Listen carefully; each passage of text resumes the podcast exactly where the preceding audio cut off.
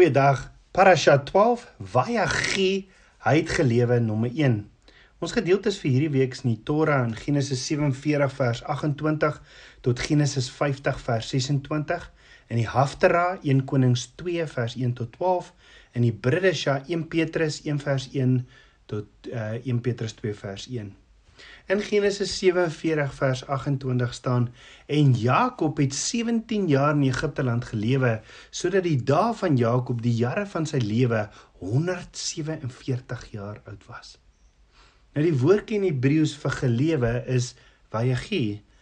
In hierdie Torah gedeelte of parasha maak Jakob seker dat Josef 'n dubbele deel van die erfenis ontvang as hy sterwe en so seën Jakob elkeen van sy seuns met 'n profetiese seëning. So die eerste boek in Abba Vader se woord eindig amper met die dood en dit eindig met die dood van Jakob en Josef en daar is 'n belofte van verlossing uit Egipte. In die vorige parasha, parasha 11 het ons geleer wat die omstandighede was wat gelei daartoe dat Jakob en sy seuns Kanaan verlaat het en hy Egipte toe getrek het. Jakob het ook die eerste keer vir Farao ontmoet. Die enigste opgetekende interaksie tussen Farao en Jakob begin deurdat Jakob Farao geseën het. Onthou Abba Vader het aan Abraham beloof in Genesis 12 vers 3 en ek sal seën diegene wat jou seën en hom vervloek wat jou vervloek en in jou sal al die geslagte van die aarde geseën word. Abba Vader het ook hierdie einste belofte vir Jakob gegee in Genesis 28 vers 14 waar hy sê en jou nageslag sal wees soos die stof van die aarde en jy sal uitbrei na die weste en ooste en na die noorde en suide en in jou en jou nageslag sal al die geslagte van die aarde geseën word. Maar die vraag is hierdie ontmoeting tussen Jakob en Farao strek dit nie dalk verder as net hierdie twee persone nie? verteenwoordig nie Jakob nie die hele Israel of die verbondskinders van Abba Vader en Farao die heerser oor die een wêreldorde van die eindtyd nie. So tussen die einde van die vorige parasha en die begin van hierdie een verloop 17 jaar in absolute saligheid. So hoekom 17 jaar in Egipte land lewe as die droogte net nog 5 jaar geduur het Jakob? Wel ons het gesien Abba Vader gee vir Jakob hierdie volgende beloftes in Genesis 46 vers 2 tot 4 in 'n nag 'n naggesigte en het vir Jakob gesê Jakob Jakob en Jakob antwoord hier is ek. Toe sê Abba Vader Ek is God, die God van jou vader. Moenie bevrees wees om na Egipte af te trek nie, want ek sal jou daar 'n groot nasie maak. Ek sal saam met jou aftrek na Egipte en ek sal jou gewis ook weer laat optrek en Josef sal jou oë toedruk. Nou dit is amper asof Jakob se ontmoeting met Abba Vader by Berseba en sy herontmoeting met Josef daartoe gelei dat Jakob sommer 'n nuwe lewe ontvang het. Kan jy jouself indink soos Jakob? Jy tog jou kind is dood vir 22 jaar en nuwe skielik hoop jy hy leef en en en hy voorsien jou en al jou kinders met brood en met oorvloed. Nou Vayagi se wortelwoord, die parasha se gedeelte, Vayagi se wortelwoord is Gaya, wat beteken om te lewe, om te bly lewe, om aangemoedig te word om te lewe, om in oorvloed te lewe, om verfris te word, om herstel tot 'n lewe van gesondheid. Met ander woorde, Jakob het herstel van bitterheid en seer tot 'n lewe van gesondheid, vryheid, voorspoed, vreugde en hierdie Shalom vrede. Jakob het nog 17 jaar geleef in Goshen en die getal 17 is ook die numeriese waarde of gematria in die Hebreëse woord tof wat wat beteken goed of volgens skepingsdoel ook nê. Nee. So in die Torah gedeelte vir die week sien ons in Genesis 47 vers 27 die laaste dae van Jakob en dan in Genesis 48 vers 1 Jakob se seëninge vir Josef se seuns. En dan Genesis 49 vers 1 Jakob se profetiese woord vir sy seuns, vir sy eie seuns. En dan uh, Genesis 49 vers 29 Jakob se dood en sy begrafnis. En dan Genesis 50 vers 15 Josef vergewe weer sy broers. En dan Genesis 50 vers 22 Josef se laaste dae en sy dood. Let wel, die oomblik as Josef sterf, is daar ewe skielik 'n doodse stilte in die woord vir 400 jaar waarvan ons nie een enkele berig oor die kinders van Israel ontvang of hoor nie. Die eerste keer wat ons weer hoor van enige ontmoeting met Abba of met met Abba Vader gaan met Moses by die brandende bos wees. Nou die gedeelte in die Haftara vir die week wat saam bestudeer word, sien ons behels in 1 Konings 2 vers 1 Rahabium as koning en dan 1 Konings 2 vers 4 Rahabium se vader het die juk hard gemaak. Sal hy dit ligter maak? Dan die gedeelte in die Bridde self, die Nuwe Testament vir die week wat ook saam bestudeer word, sien ons behels 1 Petrus 1 vers 3 die danksegging weens die hoop op die saligheid en dan 1 Petrus 1 vers 13 vermaaning om heilig, die Hebreëse woord kadosh te wees. So Jakob of Israel dis sy naam nê, Jakob wat verander het na Israel, het Goshen toe getrek in Egipte. En Genesis 47 vers 27 sê so het Israel dan in Egipte land gewoon in die land Goshen en hulle het vaste besittings daarin verwerf en vrugbaar geword en sterk vermeerder. En onthou dit was deel van hierdie 5 jaar hongersnood. Goshen mag nou wel nie die beloofde land gewees het nie, maar dit het so vir hulle gevoel. Die kinders van Israel het floreer. Die vee teel aan en die gewasse groei. Na die hongersnood was Jakob en sy kinders vry om terug te gaan na Kanaan toe, maar wie wil nou hierdie hierdie lekker lewe verlaat? Net so kom slukkie wêreld my en jou ook vandag stukkie vir stukkie in totdat jy so vas is in slawerny, is dit nie? Daar word beweer dat Goos in die landstreek in die wêreld is wat gereken word as die vrugbaarste en dat daar geen siektes of peste peste onder die vee gevind word nie. Goshen is die enigste woord in die woord van Abba Vader wat bestaan uit letters die Gimel, die Shin en die Nun. En hierdie Goshen se letters se numeriese waarde is presies dieselfde as Moshiach in Hebreëus of Messias. Die drie Hebreëse letters van Goshen verteenwoordig ook die drie liggings van die tabernakel. Baie interessant. Die tabernakel was Abba Vader se teenwoordigheid met sy kinders en en ons weet Abba Vader het hier belofte gemaak aan Jakob dat hy met hulle sal wees in Egipte. Maar ons sal later sien in die pla dat Abba Vader se teenwoordigheid net so saam met sy kinders was tydens hierdie pla ook in Goshen. Vandag in die moderne Egipte is Goshen die gedeelte bekend as Wadi Tumilat en is die 50 km lange of 31 myl droë riviervallei wat die oos van die Nyl Delta. Dit was die beste deel van Egipte. Heel wat later na die Israeliete uit Egipte getrek het, toe hulle in die woestyn rondgeswerf het en hulle terugverwys na Egipte was dit na Goshen waar hulle sê, maar daar het dit so goed met ons gegaan onder andere in, in Numeri 11 vers 5 staan ons dink aan die visse wat ons in Egipte verniet kon eet aan die komkommers en die wartlemoene en die prei en die eie en die knoffel. Maar nou is ons siel dor daar's glad niks nie net die manna is voor ons oë. Hulle het baie baie terugverlang na Goshen in Egipte. So raai wat beteken Goshen in Hebreëus Goshen beteken drawing neer Omdat daar was droogte in Kanaan.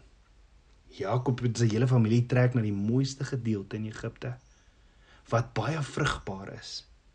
En die plek word genoem Drawing Neer. Met ander woorde, die wat in verbond wandel saam met Abba, sal die beste porsie ontvang, die mooiste van die mooi en beskerm en sal voorsien word. Dit is ook wat ons Messias, ons bruidegom vir ons voorberei, sy bruid vir wanneer hy ons kom haal. Nou Jakob wat aan sy broers wat aan sy broer Esau se hakskeen vasgegryp het met geboorte het dit nie so maklik gehad in sy lewe nie. Maar soos Romeine 8 vers 28 sê en ons weet dat vir hulle wat God liefhet, alles ten goeie meewerk vir hulle wat na sy voorneme geroep is. Jy sien slegs die laaste 17 jaar in Egipte van Jakob se lewensjare was was goeie jare. Die ander 130 jaar het Jakob self beskryf vir Farao in Genesis 47 vers 9 waar hy sê: "Die dae van die jare van my vreemdelingskap is 130 jaar, min in getal en vol teëspoed, was die dae van my lewensjare en hulle het nie gehaal by die dae van die lewensjare van my vaders gedurende die dae van hulle vreemdelingskap nie. Onthou van hierdie 130 jaar het Jakob sy vader Isak vir 20 jaar nie gesien nie. Hy het vir 20 jaar gewerk by Laban, sy skoonpa. En Genesis 31 vers 38 tot 41 sê 20 jaar was ek nou by u by Laban. U skaap en die bokkoe het geen misdrag gehad nie en die ramme en die kleinvee het nie geëet nie. Wat die wilde diere verskeer het, het ek nie na u gebring nie. Ek moes dit vergoed van my hand het u dit geëis of dit al bedags gesteel of dit snags gesteel is. Ek was 'n man wat bedags deur die hitte verteer en is en snags deur die koue en my slaap het gevlug van my oë. 20 jaar was ek nou in die huis. 14 jaar het ek hier gedien vir u twee dogters en 6 jaar vir u klein vee en u het my loon 10 maal verander. Let wel 20 is die nommer vir verlossing. Onthou Jakob het ook hier weggekruip vir sy broer Esau. Dis hoekom hy daar beland het. Want Esau wou hom doodmaak en vir wie hy gevlug het.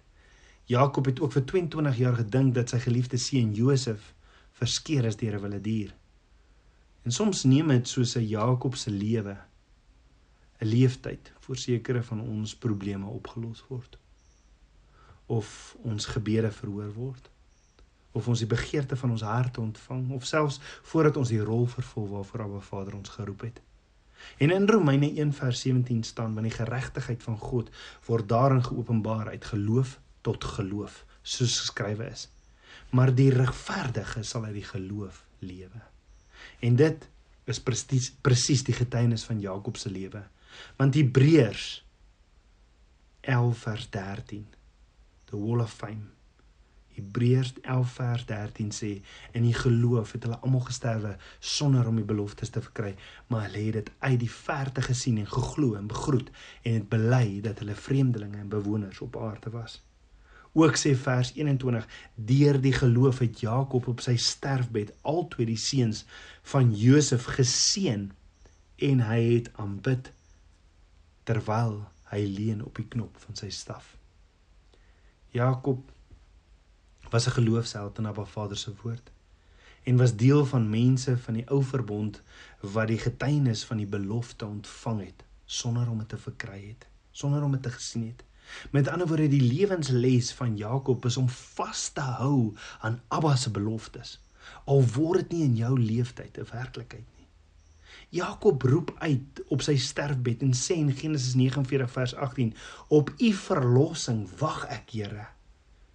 Nou verlossing in Hebreëus is Yeshua. Yeshua was die belofte waarop Jakob gewag het, die Messias en die ware verlosser. Tabernakelskind van Abba. Net so moet ek en jy vertrou, wagtend bly op ons verlosser. Niks in hierdie wêreld of in Egipte moet vir ons belangriker raak as die koms van ons verlosser nie. Is dit dalk hoekom Jakob vir Josef vra om hom te sweer dat hy hom sal gaan begrawe in Kanaan, die beloofde land? Genesis 47 vers 29 tot 31 sê en toe die dae van Israel nader kom dat hy moes sterwe, het hy sy seun Josef laat roep en vir hom gesê: "As ek nou guns in jou oë gevind het, sit dan tog jou hand onder my heup en bewys my liefde en trou. Begrawe my tog nie in Egipte nie. Wanneer ek met my vaders ontslaap het, bring my dan weg uit Egipte en begrawe my in hulle graf."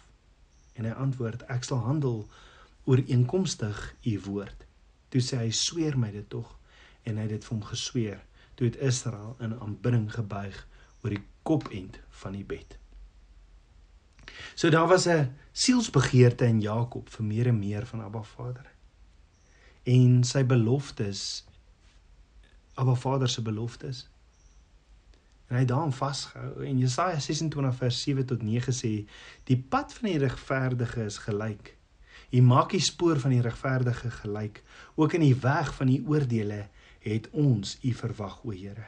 Tot U naam en tot U gedenknaam gaan die begeerte van ons siel uit. Met my siel begeer ek U in die nag, ook met my gees in my binneste soek ek U.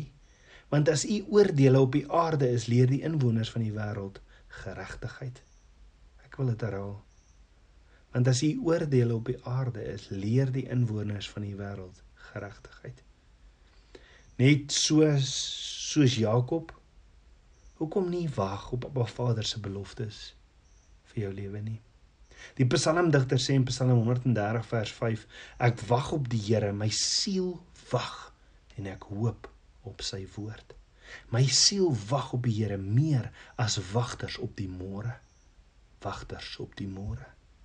Wag op die Here o Israel, want by die Here is die goedertierenheid en by hom is daar veel verlossing. En hy self sal Israel verlos van al sy ongeregtighede. Jakob het met alles vasgehou aan Abba Vader se beloftes aan Abraham van die beloofde land Kanaan. Hy het geweet Jakob het geweet dat sy nageslag die beloofde land in besit moet neem. Daarom ook Jakob se versoek aan Josef om hom nie in Egipte te begrawe nie, maar wel in die beloofde land. Dan hoor gehou in Genesis 49 vers 33 staan: Toe Jakob klaar sy beveel aan sy seuns gegee het, trek hy sy voete terug op die bed en blaas die asem uit en hy's by sy volksgenote versamel. Is daar dalk 'n dieper prentjie in die feit dat Jakob sy voete teruggetrek het? Onthou toe Josef se boeties vir Jakob Josef se veel klere gekleed wat wat wat verskeer is en bebloed gebring het, toe sê hy in Genesis 37 vers 35: "Nee, treurend sal ek na my seun in die doodryk afdaal." Doodryk in Hebreëus is Sheol wat beteken hel of place of no return of of righteousness not abandoned to it. So Jakob sê hy sal na 'n plek toe gaan waar regverdiges nie gaan nie. Dan in Genesis 49 vers 30 sê Jakob vir Josef ek word versamel by my volk. Bega begrawe my by my vaders in die spelonk wat op die stuk grond van Efron die Hetitiet is. Met ander woorde Nou ewe skielik moet Josef Jakob gaan begrawe waar Abraham, Isak en Rebekka en selfs sy eie vrou Lea begrawe is. Met ander woorde, deurdat Jakob sy voete terugtrek, het hy Jakob het Jakob simbolies uit Egipte wat met die hel of die plek vir onregverdiges, plek of van no return, het hy sy voete teruggetrek en onttrek. Net so is dit ook wat ons moet doen. Abba Vader wil hê ons moet uit Egipte, uit slawerny kom en gaan na die beloofde land, die droom wat hy vir ons beplan het nog van voordat ek en jy gebore is. So net om oor te ponder, het Jakob ooit geweet wat reg met Josef gebeur het? Kom ons bid saam. Abba Vader, skepper van my hart, Vader, ek loof en ek prys U. Vader, soos Jakob smag ek na meer en meer van U. Ek wil vasleef aan u woord en al hoe meer u nader. Vader, laat u wil geskied en leer my meer en meer van u karakter en u geheimenisse. Ek bid dit alles in Yeshua Messie se naam, die seun van Jahweh. Shalom.